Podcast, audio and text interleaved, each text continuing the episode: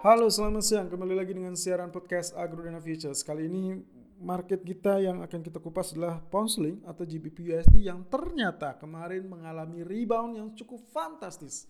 Ya, kita terjebak lagi teman-teman. Setelah kemarin sempat uh, kita nanti-nanti atau kita tunggu-tunggu untuk area kenaikan ternyata tergelincir, Dragonfly gagal, lalu kemudian ternyata di hari uh, Jumat tergelincir sampai 1.20 7 ya 1.2090 ya. Sementara kemarin sempat ter, terendahnya 1.2078. Ternyata dia rebound dan rally ternyata sampai kurang lebih di area 1.2225 persis terkena di area stop loss kita ya. Dan sayangnya untuk pagi ini sebetulnya dia running price masih bertahan di area yang sama 1.2219.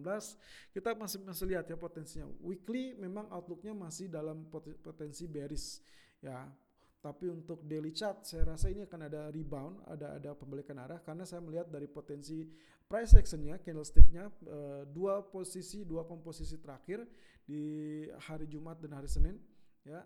Kita lihat di tanggal 15 ataupun tanggal 18 Mei dua candle terakhir itu membentuk yang kita sebut dengan piercing line ya. Piercing line ini sebetulnya bearish big long bearish candle ditemani dengan big long bullish candle. Tapi bullish candlenya ini di candle berikutnya dia buka di lebih bawah tapi ditutupnya di atas 50% real body dari bearish candle yang sebelumnya. Jadi kemungkinan potensi ini yang akan mewarnai pergerakan hari ini kecenderungannya adalah akan mengalami uh, kenaikan atau rebound ya.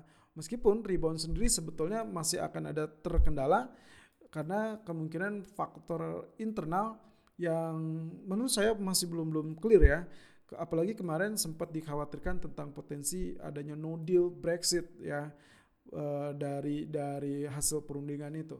Jadi kemungkinan potensi ini uh, rebound untuk sementara waktu tapi it's worth it ya. It's worth it. Area resisten pertama yang kemungkinan akan dihampiri 1.2200 itu sudah tersentuh karena 1.2219 area tertingginya untuk kali ini.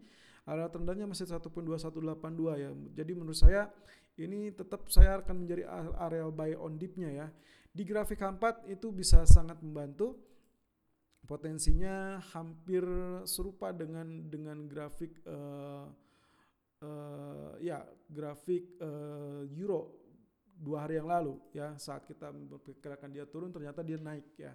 Nah ini juga hampir sama. Tapi kalau dari dari polanya ini adalah kenaikan uh, sementara. Jadi untuk daily chart ini Nah, yang spesialnya di grafik H4 ini saya melihat dari pola candle atau pola grafik di wave terakhir, teman-teman. Ya, ada lekungan di situ, ya, ada lekungan yang paling terendahnya kemarin yang tercapai di 1.2078. Lalu sebelumnya ada areal yang cukup baik itu menurut saya hampir mirip dengan left ya. Jadi kalau itu bagian sayapnya saya rasa ini jadi inverted head and shoulder. Ya, which mean ada right shouldernya bisa saja berada di 1.2167 ataupun 1.2175. Jadi itu kemungkinan potensinya. Tapi kalau misalkan dia lebih dari area tersebut, bisa saja left uh, right shouldernya uh, masih bisa ke 1.2150. Asalkan tidak menyamai area 1.2078 aja. Itu berarti masih masih ada peluang untuk terbentuknya inverted head and shoulder ya.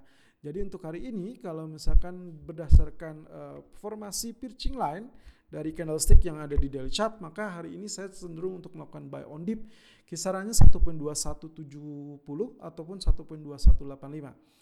Target pertama 1.2220, ini sedikit di bawah areal high kemarin 1.2225 dan target keduanya adalah 1.2285. Stop loss 1.2100. Ya, ya, Anda juga bisa sebetulnya untuk mengantisipasinya kalau ternyata dia terlanjur naik, ya perhatikan areal tertinggi kemarin 1.2225 itu menjadi areal neckline dari kecurigaan kita uh, atau suspected uh, inverted head and shoulder. Jadi kalau itu ditembus 1.2225-nya silakan follow buy saja. Ya, tapi dengan uh, catatan target ataupun stop loss-nya Anda harus menyesuaikan ya, tidak bisa terlampau ideal. Kurang lebih seperti demikian, selalu gunakan stop loss dan risk management sesuai dengan equity dan strategi trading Anda.